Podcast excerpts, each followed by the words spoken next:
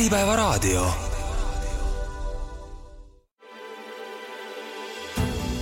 logistikauudised eetris. logistikauudistele annab hoogu sinu sõidumeeriku partner digimeerik.ee tere, head Äripäeva raadio kuulajad, te kuulate saadet Logistikauudised eetris ning täna räägime pakiveoärist ning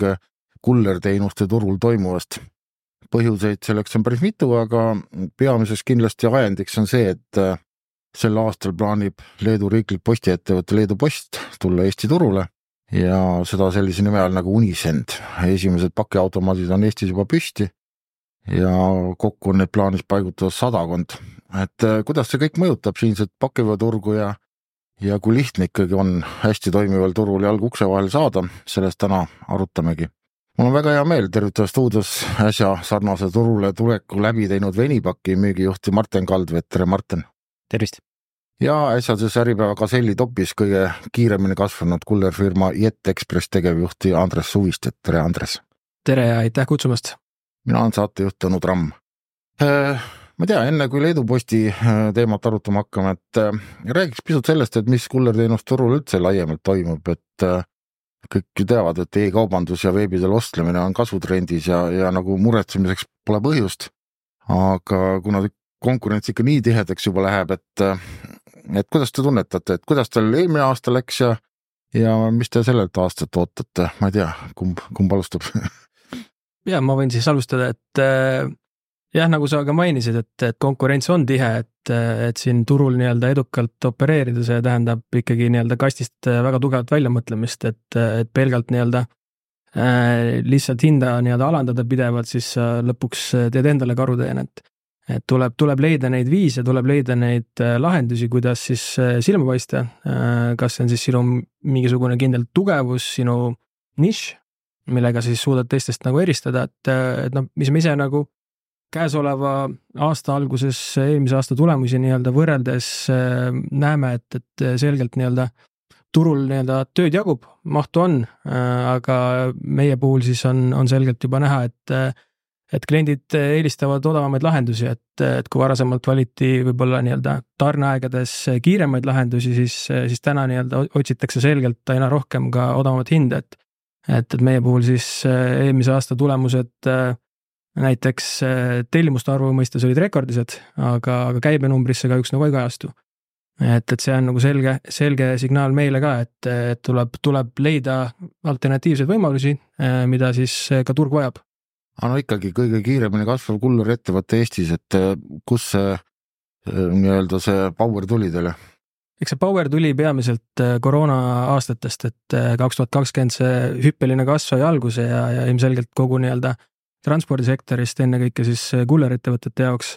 ja, ja meie puhul siis, mis meid peamiselt eristas, oligi see, et me ei ole nagu traditsioonilise mõttes lihtsalt kullerettevõte, et meil on väga tugev osakaal ka äh, Äh, rahvusvahelistel äh, vedudel ja, ja meie puhul siis äh, konkreetsemalt ajakriitiline erilahendus. ja see meile tõi väga tugeva siis eelise ja, ja me leidsimegi turul sellise niši, mida ei olnud täidetud ja, ja sellest ka tekkis siis väga kiirelt ka vajadus. ja, ja sealt me siis oma peamise nii-öelda arenguhüppe nagu saime. et loomulikult ka riigisisene pakimahtude arv kasvas, aga ennekõike see hüpe tuli rahvusvahelisest transpordist, mida me hakkasime aina äh, rohkem äh, teenustes siis täiustama ja, ja sealtkaudu ka mm, turul nägime ka suurt vajadust sellele, et et, et selliseid lahendusi, mida me varasemalt ei olnud äh, väga aktiivselt saanud pakkuda, kuna selle vastu nõudlust polnud, et siis tekkis see nõudlus ka sinna turule ja, ja sealt ka see kasv nagu peamiselt äh, alguse sai. siit ongi sobiv moment võib-olla venipaki peale üle minna, et ma saan aru, et tegelikult ega venipakk ju tuli enam-vähem samas tuules siia Eesti turule, et äh, ka see rahvusvaheline pakiveoäri nagu rohkem kasvas ja, ja ma saan aru, et tegelikult teie suund ongi rohkem ka nagu muutudagi veel rohkem rahvusvahelisemaks. Jah, et äh, täna me oleme Eesti turul olnud venipaki mõistes kolmteist aastat, äh, ettevõte üldse ise on kakskümmend aastat vana Leedu omanikuga ja üksikomanikuga, eks. ja siin ongi see meie erinevus nagu täna meie suurematest konkurentidest äh, või headest kolleegidest siis äh, Omniva, Veni, nii TPD kui ka Itella näol, et et ühel pool on riik, teisel pool on üksik eraettevõtja, eks. ja see seab teatavad piirid ja efektiivsuse mõistes ka teistsuguse ootuse. Et me ei saa lubada endale ühtegi sellist lihtsat otsust, et kõik tuleb väga tõsiselt läbi arutada, läbi kaaluda. ja, ja kui me selle nii-öelda otsuse teeme, siis see peab olema raudkindel ja see peab edu tooma, et kui me nüüd räägime sellest, et, et mis andis selle tõuke, siis nagu Jetilegi andis tõuke koroona ja paratamatus on see, et et see loomulik kasv oli kõikidel äh, sektori ettevõtetel koroonaga, kes tegelesid väikepakiäris. Et inimesed on ju kodudes kinni ja pakke on vaja saada. nüüd on küsimus, mis edasi saab. Unisendist rääkides, siis juhtusin just kuulama Unisendi mm, CEO-ga ühte podcast'i ja nemad väga selgelt ütlevad, et järgmise kümne aasta jooksul nad näevad mahtude nagu top kahekordistumist, eks. Et ähm, see on küllaltki nagu optimistlik, aga samas, kui me vaatame meie E-kaubandusliidu statistikat, mis eelmise aastaga oli viisteist pool protsenti kasvu võrreldes möödunud aastaga, siis äh, see on nii-öelda tavapärases turutingimuses tehtud pakiautomaadi kasv nüüd. Et kas see seda sööb ka kullerkasvu, seda võib-olla Andres oskab paremini öelda, et nemad täna on ainult kuldre, kullerkanali sektoris ja, ja kui palju see kannibaliseerib äh, siis äh, teistest sektoritest tulenevat äh, pakimahtu. et me täna näeme ise, et, et ikkagi see pakiautomaatide võrgu loomine, mis meie nagu eelmine aasta ette võtsime, küll see nagu faas üks on tänaseks läbi, me lähme edasi ja loomulikult tahame kasvatada, aga see ikkagi märkimisväärselt võtab ära kullerkanalist pakke. Ja ega ärikliendid, nagu sa ise ka ütlesid, et mahtu küll on, aga maamonat tuleb vähem ja maamonat tuleb sellepärast vähem, et äh, noh, meie mõistes on see, et me liigume väga kallist ja mugavast kanalist soodsamasse ja konsolideeritud kanalisse, ehk see ongi see nii-öelda rohelise jalajälje vähendamine või siis nagu suurendamine, kuidas seda eh, ühelt poolt võtta, eks. et, eh, et see on see koht, kus, eh, kus te, tekib võimekus olla roheline, aga teistpidi nõuab see jälle väga palju investeeringuid ja kui me täna vaatame kaubanduskeskuseid ja igalt poolt nagu näeme, et meil on seal ümber maja on varsti kuus või seitse automaati juba ja siis äh, saavad äh, need nii-öelda helpdeski mm, daamid saavad kõnesid, et kuule, miks teil uksi ei avane ja siis küsitakse, et kuule, mis automaadi juures sa üldse oled. ja siis selgub, et oih, vale automaat oli. et äh, noh, mis, mis viga võib-olla kunagi sai tehtud ja sel hetkel võib-olla oli isegi ennatlik öelda, et ma tooks selle hea paralleeli pangaautomaatidega seoses et kui Ühispank ja toona siis Hansapank tulid turule, siis igalühel oli oma automaat. hiljem ühildus siis või saabus turule ka LHV, kellel oli ka vaja automaate panna, aga, aga keegi ei anna oma automaati ära, eks. täna on meil siis pakiautomaatide turul samasugune seis, et igaüks peab oma automaadiga tulema. samal ajal oleks võinud olla keegi tarbukas viisteist aastat tagasi öelda, et kuule, siin on üks suur sein, palun pange. Nii palju, kui kulub ja kui vaja paneme konsoole juurde, aga, aga oleme nagu keskkonnasõbralikud ja kasutame ühte. et jah, turul me täna näeme ka, et et Omniva täna teeb natukene avatud võrku teatud klientidele, äh, mis tingimustel ta võib-olla nagu endale väga lähedastele konkurentidele teeb, see on nagu iseasi. aga see on kindlasti üks suund äh, rohelise mõtlemise poole. No igal juhul DHL ütleb ise, et äh, kliendid on väga rahul sellega, et nüüd saab nende pakke Omnivast kätte, et mm. et ütleme, esimene samm on ikkagi selles suunas astutud. aga selles mõttes, kui me pakiautomaatide juurde jõudsime, et lähme selle teemaga edasi kas Venipakil on nüüd veel plaanis neid pakiautomaate juurde teha või kuidas see, see, räägime sellest aastast? kindlasti, et äh, me üritame oma võrku ikkagi kasvatada ja et kas me nüüd selle aasta lõpuks jõuame topeltnumbrini, on iseasi, aga see eesmärk on võetud ja sellel on väga lihtne põhjus, et äh, kliendid ja, ja nii-öelda nii ärikliendid kui ka erakliendid vajavad seda ja, ja see on nii-öelda ainuõige viis täna edasi liikuda et ei saa jääda või stagneeruda kuhugile vanasse. nii et seda koopereerumist selle peale te lootma ei jää? E, noh, kui keegi nüüd täna selge sõnaga ütleks, tuleks mõni investor, ütleb, et kuulge, ma ostan kõik teie automaadid kokku, teeme ühise brändi, eks et selline helesinine unistus võib ju olla, aga reaalsus on siiski vastupidine, et et seal on, meil on väga hea kogemus täna ju Unicendi või LPX posti poole pealt olemas Leedus, et me ristkasutame üksteise automaate. et Ehm, noh, ühtepidi see toimib, aga teistpidi seal on omad nipid, et äh, paned jõula peale, et näed, plahter maksab nii palju ja kolmekümne päeva pärast hakkab ta nii palju kasvama. et see on tavapärane, et kolmkümmend päeva etteteatamist tuleb nagu hinna, hinnatõus ja, ja sellises majanduslikus olukorras, kus me täna oleme, meil ei ole muud pääsu. et kütus käib üles-alla, tööjõud käib, läheb ainult üles, et noh, elu läheb kallimaks. aga Eestis, Lätis seda plaani ei ole, et ristkasutada nagu Leedus? ei, eks meil laua peal on igasuguseid valikuid, loomulikult tahame pakkuda kliendile mugavamaid tarneviisi ja mida rohkem automaate on üks asi noh, küsimus on ka selles, et kus kohta sa automaadi paned. et kui sa tõesti hakkad valima, noh, me, me saame nüüd strateegiates, peame aru saama, et näiteks Omniva strateegia on riigiettevõttena Eesti inimestele võimalikult lähedal olla. Et äh, endise Omniva töötajana ma saan nagu sellest äh, väga hästi aru ja et sul ongi see, et sul on väike küla, kus sul on nelisada inimest ja seal peab automaat olema, sellepärast et su nii-öelda universaalne postiteenuse osutamine selle võrra ka läheb lihtsamaks. Aga täna Venipaki poole pealt me näeme, et me peame seal olema, kus inimesed on. Ja me ei saa endale lubada seda, et jah, me paneme automaadi kuhugile, äh, ma tahasin öelda Kapa-Kohilasse, aga ütleme Sõrvesääre tippu, eks, ja et seal on nagu kaks inimest, kes seda nii-öelda automaati vajavad, et siis meie jaoks ei ole rentaabel, sellepärast see on päris kallis. ja teistpidi, mis see teeb meiega, on see, et ta lööb selle paki hinna ülesse. et võrk on suurem, võrku peab rohkem üleval pidama, peab täitma, peab tühjendama, samal ajal kui me nagu fokusseerime sinna, kus on näiteks kaheksakümmend protsenti inimestest, kus me täna oleme no kuidas Jet Expressi plaanid on, hakkate ka kunagi oma automaate panema püsti või? ja eks see on selline teema olnud, mida me oleme kõrvalt äh, väga aktiivselt jälginud, äh, oleme ka analüüse teinud äh, turule sisenemise mõistes,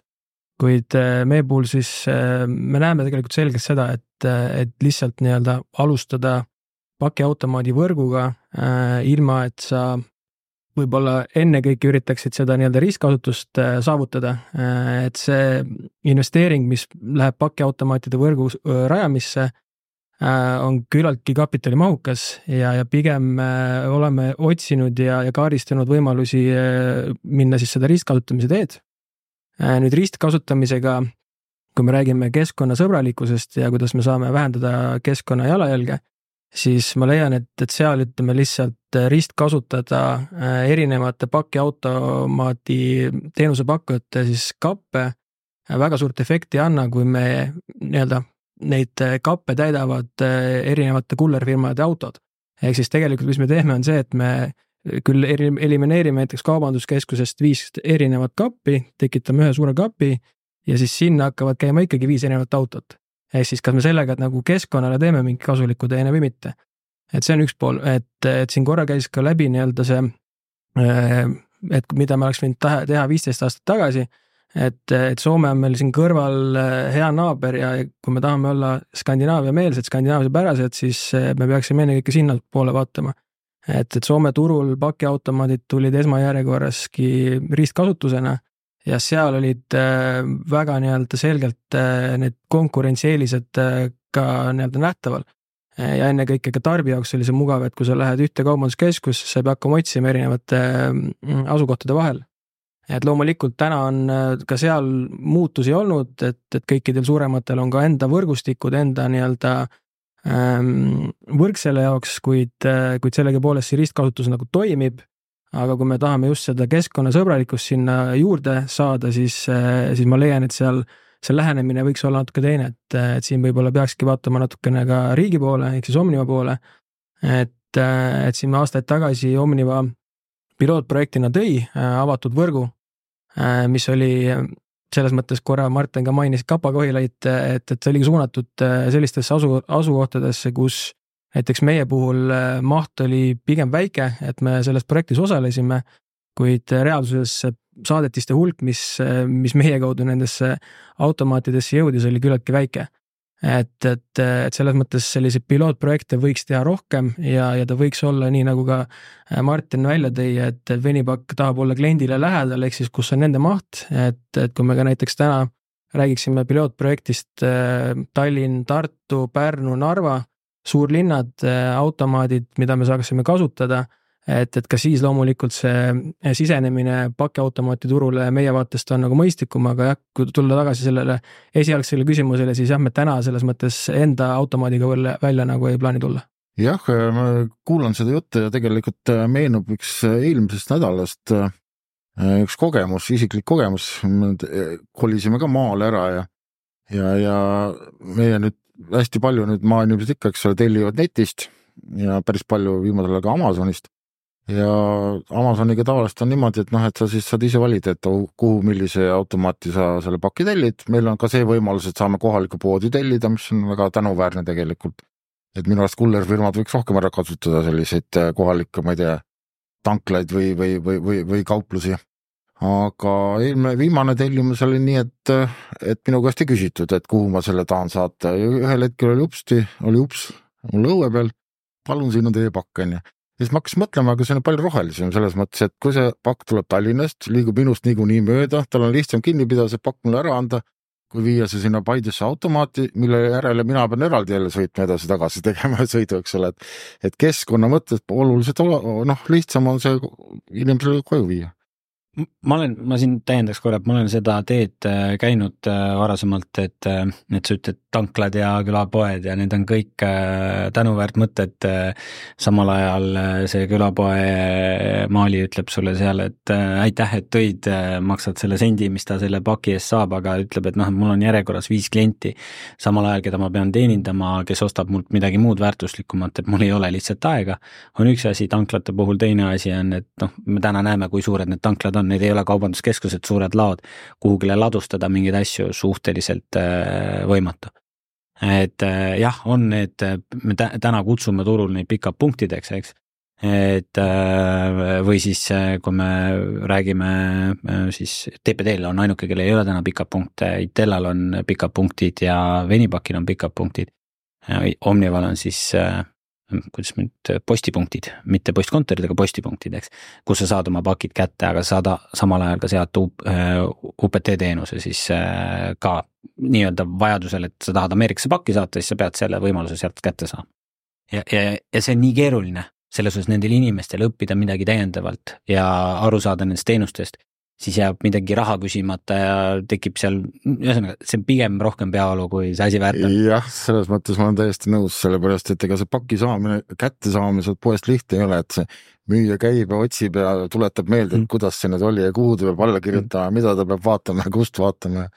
et selles mõttes, eks ta ole jah, aga noh, samas jälle, kui on ikka tõesti, noh, meil on sihuke hästi väike koht, hästi väike pood ja ega seal palju inimesi ei käi, nii et selles mõttes, et noh kuna Tallinn-Tartu maantee läks ju minema sealt, et mm.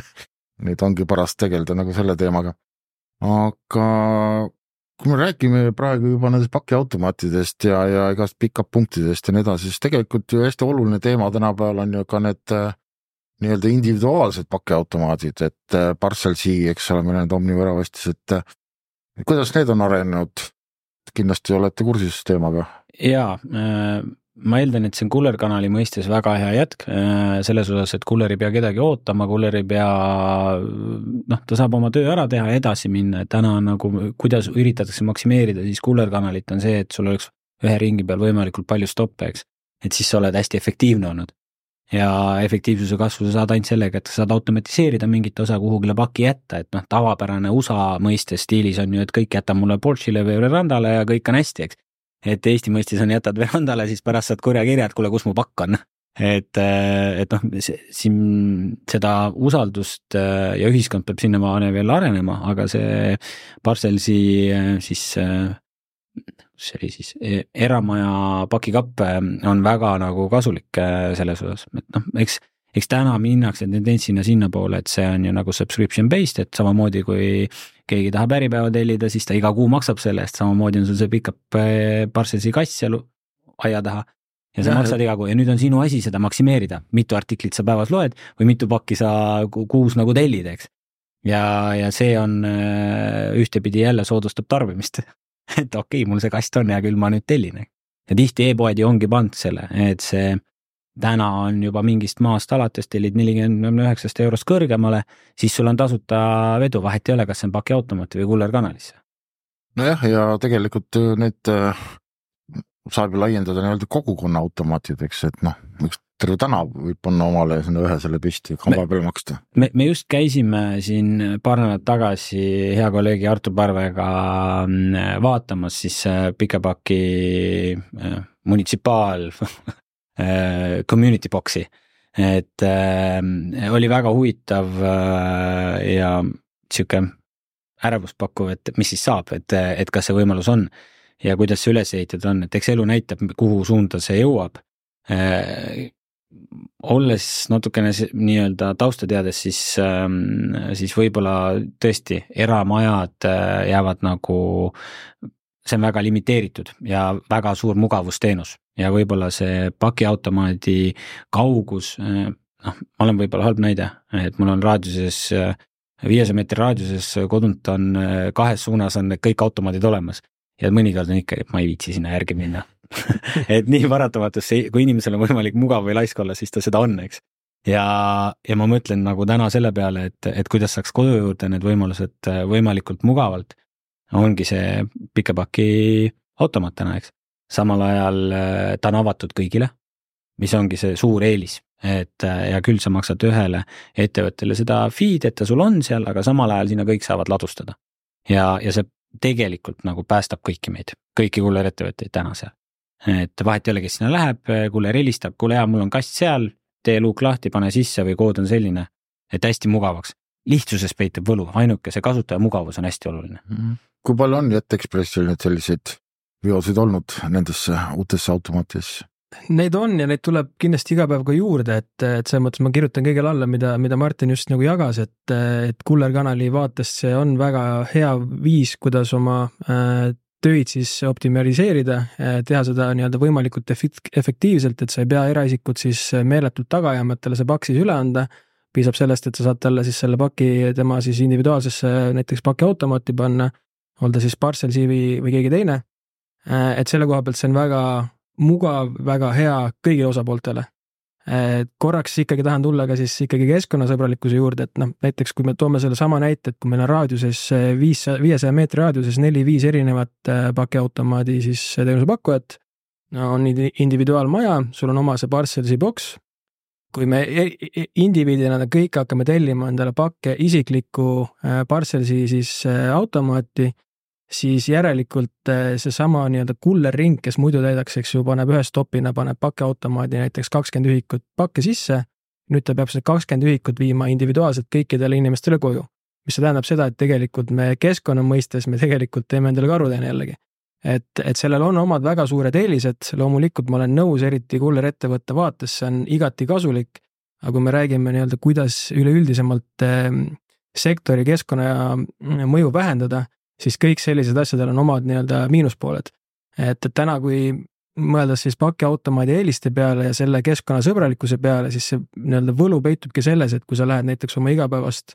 ähm, toidukaupa siis ostma näiteks kauplusest, et sa saad selle käigu koos ühendada ka selle, et sa võtad selle paki sealt välja. et sa ei käiks eraldi selle paki järel, et sa nii-öelda seota oma muude liikuvustega. et sealt see peamine ju keskkonna nii-öelda võit tulebki, et aga kui me nüüd jälle suuname selle tagasi sinna, kus ta, eks ju, enne oli, et me viisime inimestele pakke koju. Eh, nüüd jah, see muutub mugavamaks, et individuaalsed siis automaadid selle inimese tagaajamise ja inimese nii-öelda siis, inimese vaates siis eh, kulleri ootamise nii-öelda ära võtab, jah, nõus, aga, aga selle teise koha pealt siis ikkagi see keskkonna pool nagu ei, suures pildis ei saa nagu seda positiivset mõju, mida me sealt tegelikult nagu otsime, mida me tegelikult ka nagu vajame ütleme, TPD Eestis on olnud hästi tubli selles valdkonnas, et ta on nagu ostnud juba päris palju neid elektrikaubikuid. ka teised kullerfirmad on, on need katsetanud ja, ja ka kasutusele võtnud. Aga siin on üks suur aga. rääkisin just eelmine nädal ühe auto maaletoojaga, ütles ka, et ta nagu hea meelega hakkaks neid suuri kaubikuid elektrilisi maale tooma. aga kuna lihtsalt see, mis jääks nii-öelda aku nii raske et ta vähendab äh, kandevõimet nii palju, et äh, see asi nagu muutub eba noh, proportsionaalseks.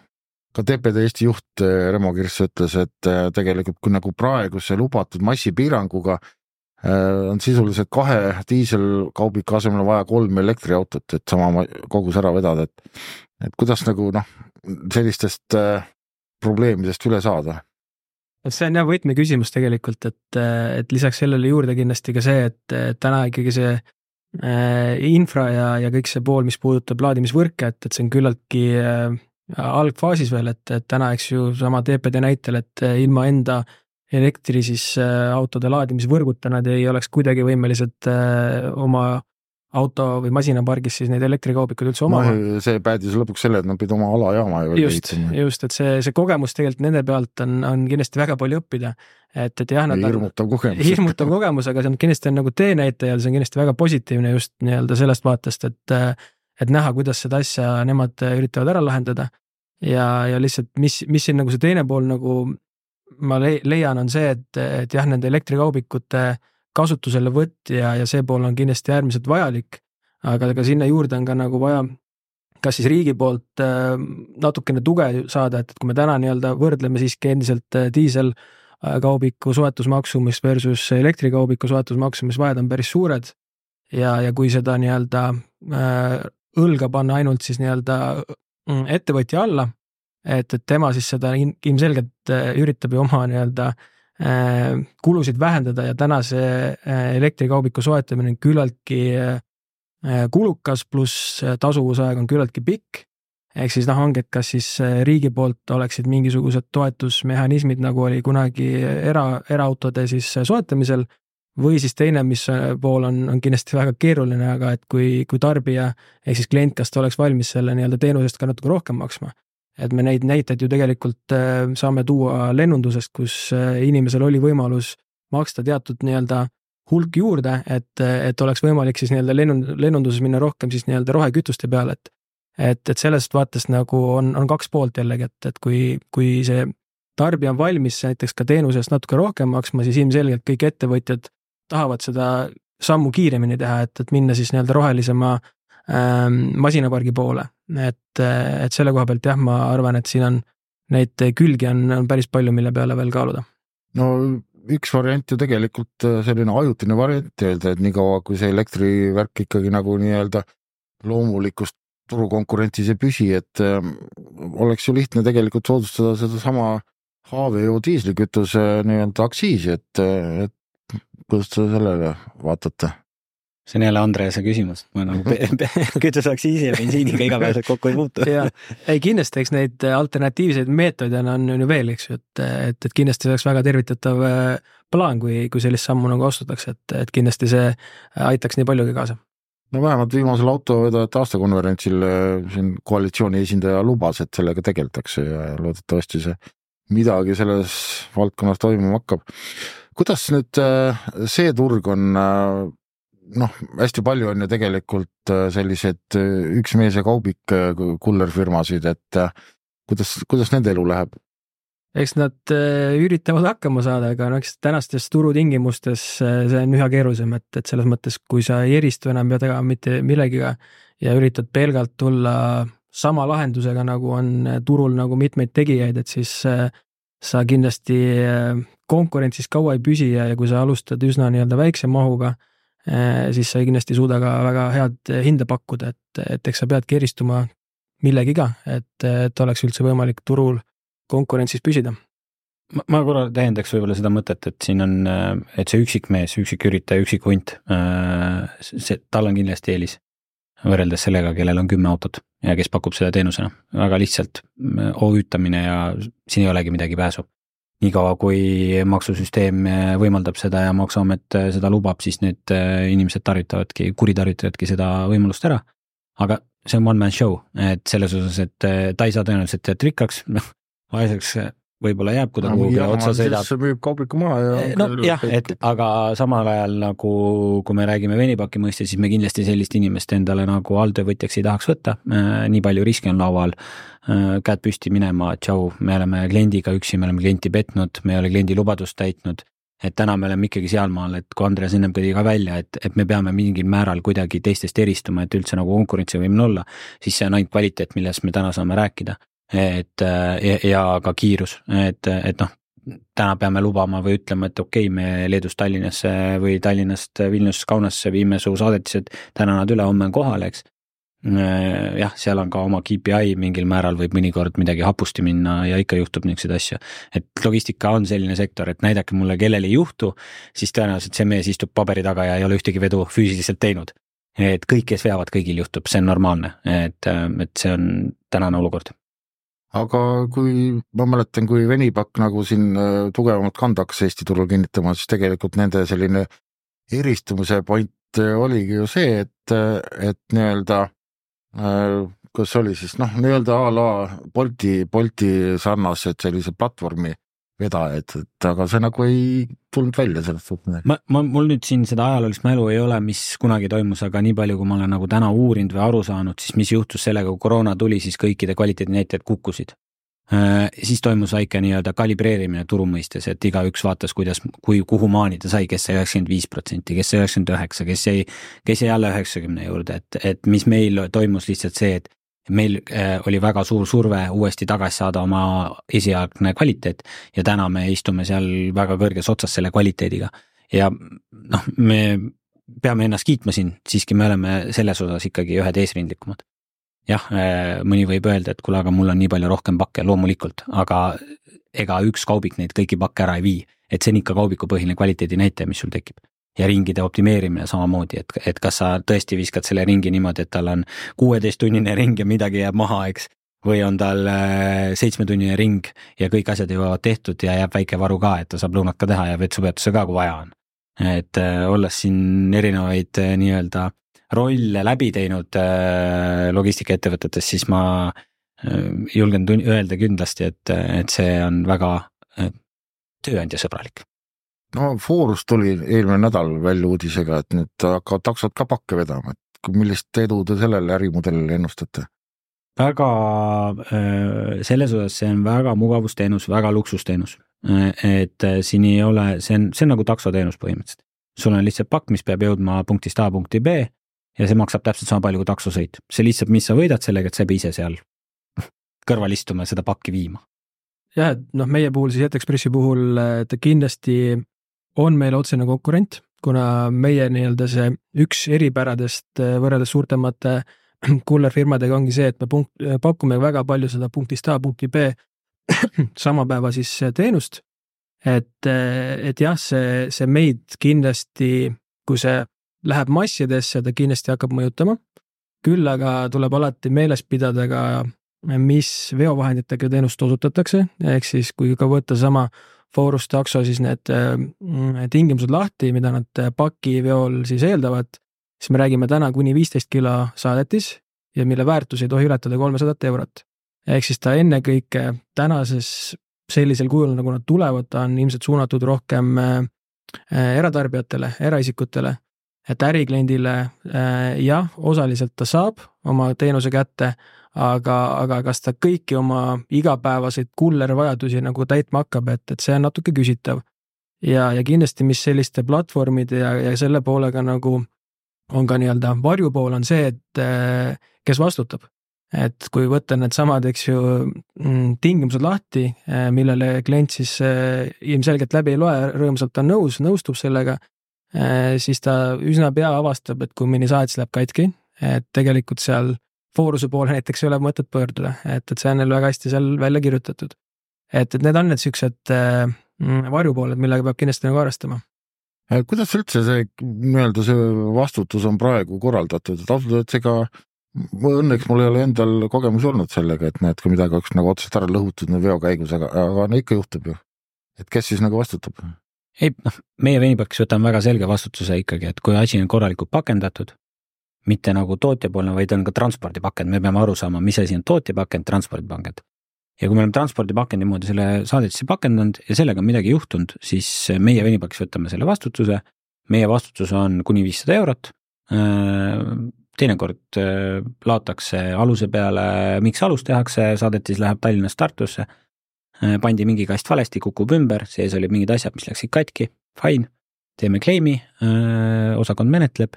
see võtab, see protsess võtab aega, see ei juhtu niimoodi, et täna andsin teada, homme on juba raha kontol, see on kolmkümmend päeva, eks. ja, ja selle aja jooksul siis äh, menetletakse ära, vaadatakse kõik kaamerapildid üles, kuidas juhtus, miks juhtus ja antakse siis äh, õiglane nii-öelda summa, mis on siis vastavalt kas siis müügiarvele või on see sisseostuarve, sõltub, kes selle claim'i siis teeb. jah, aga ütleme, selline igavene olukord on see, et kui mul sõidab see auto hoovi peale, ta annab mulle selle paki,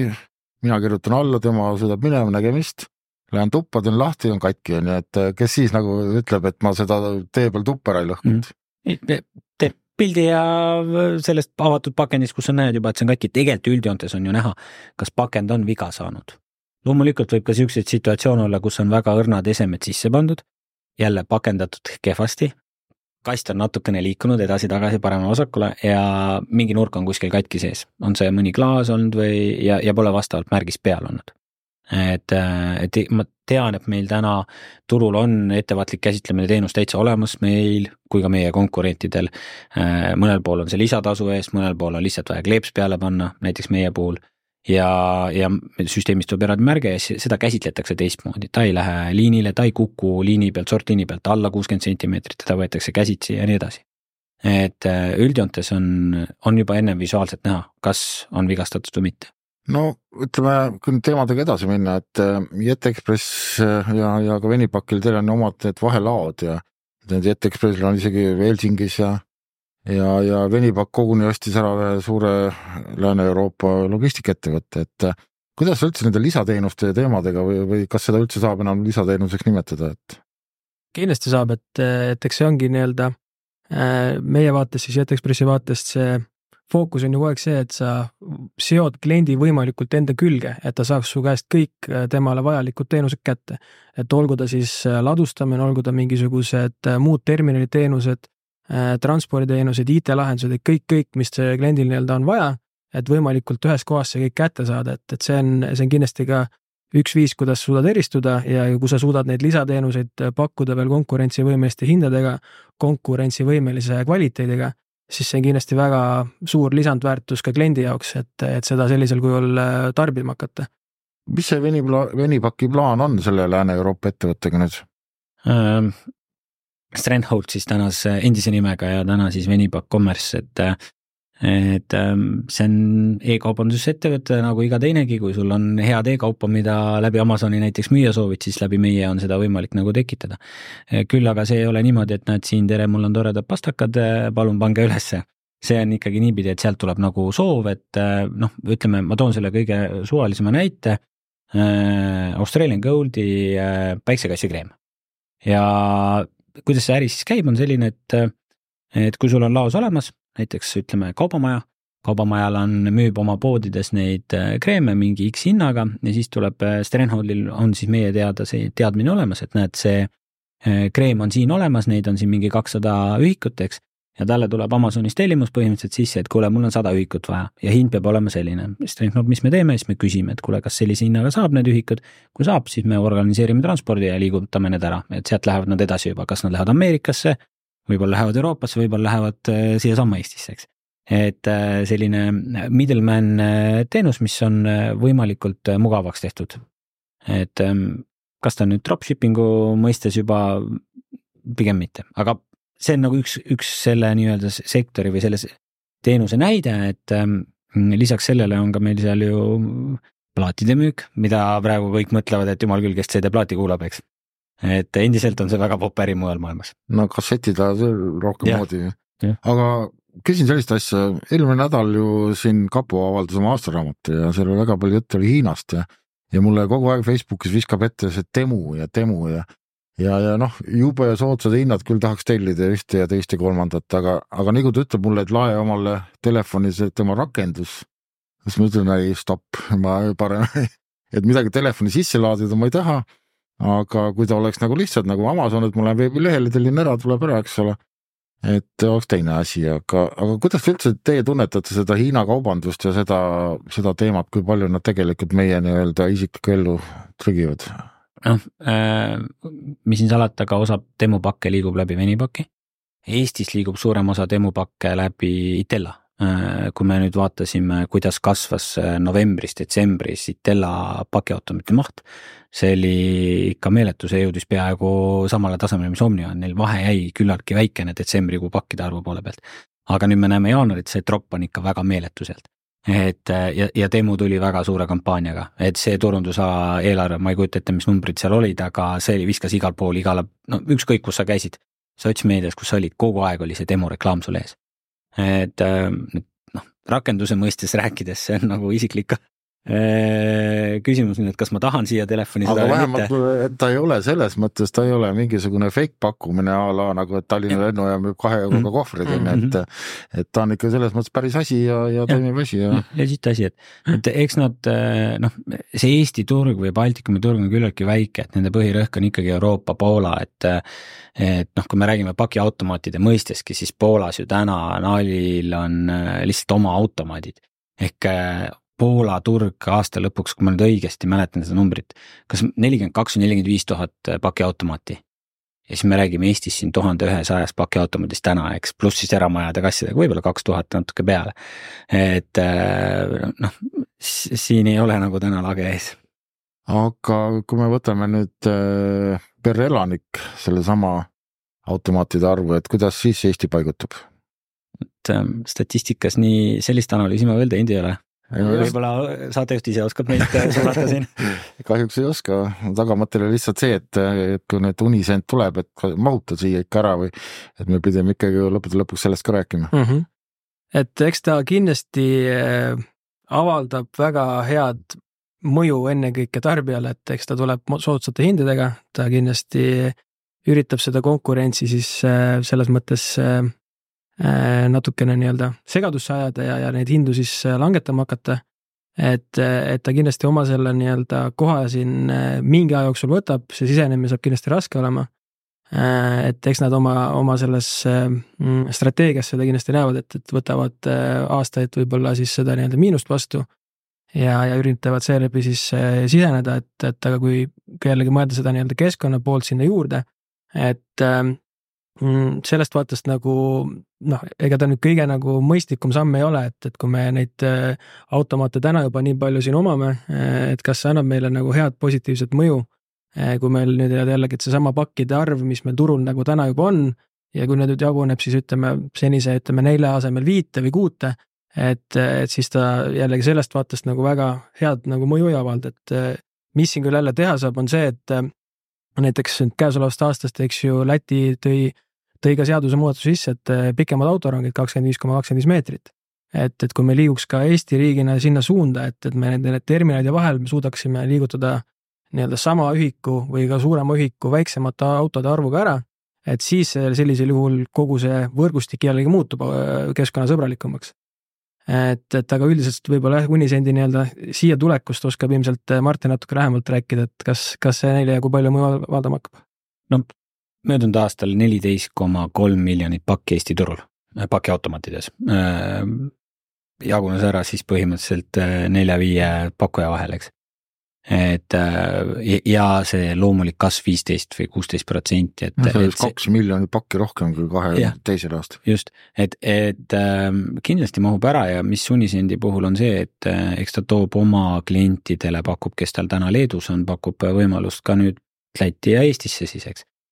Et kas noh, nüüd kui me räägime Eesti-Eesti pakkidest, et kas see nüüd nii väga mõjutab äh,,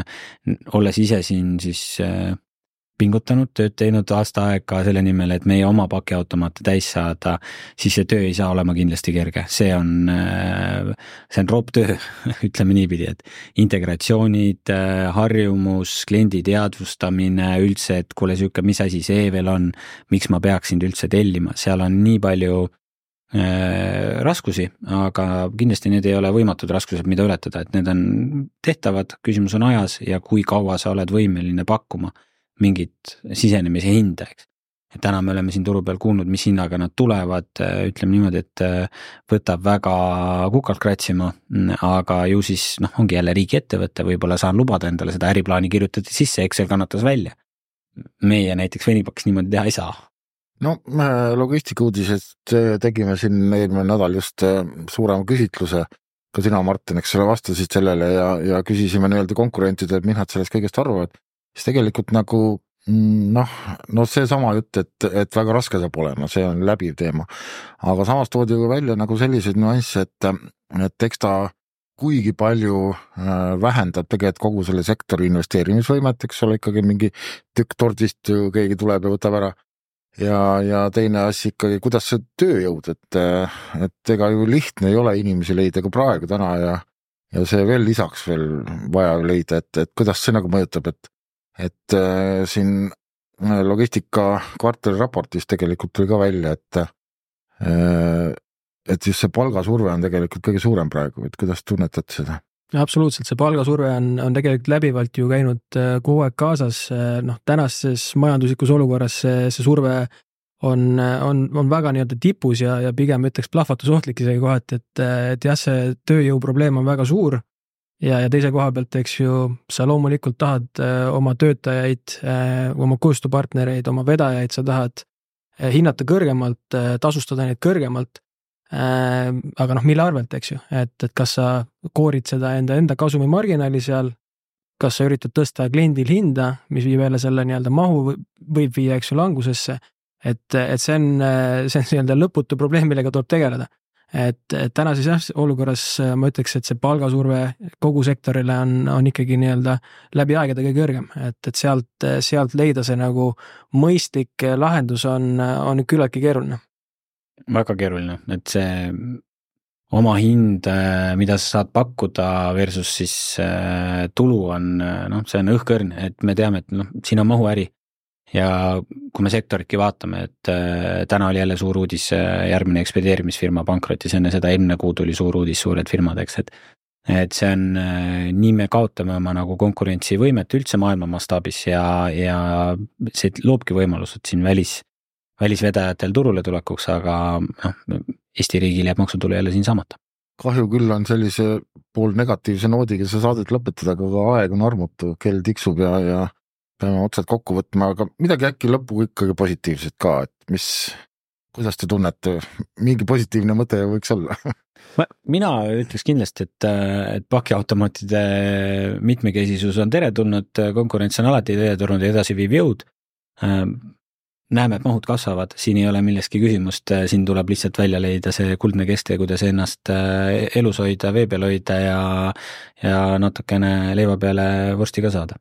ja ma lisaks siit enda poolt juurde ikkagi võtmesõna koostöö, et äh, ikka erinevate kullerettevõtete vahel, et täna me istume ka siin laua, laua taga Venipöök ja Jätekspress, kes siin omavahel ka tegelikult taustal äh, mingil määral koostööd ka teevad, et et eks see koostöö on ka see, millega me jõuame ikkagi nii-öelda kõiki osapooli võib-olla rahuldavama tulemuseni, et, et, et koostöö on kindlasti võtmesõna. jah, ja tegelikult ju aasta ju algaski koostööga, meenutame veel siis seda Omniva ja DHL-i näidet.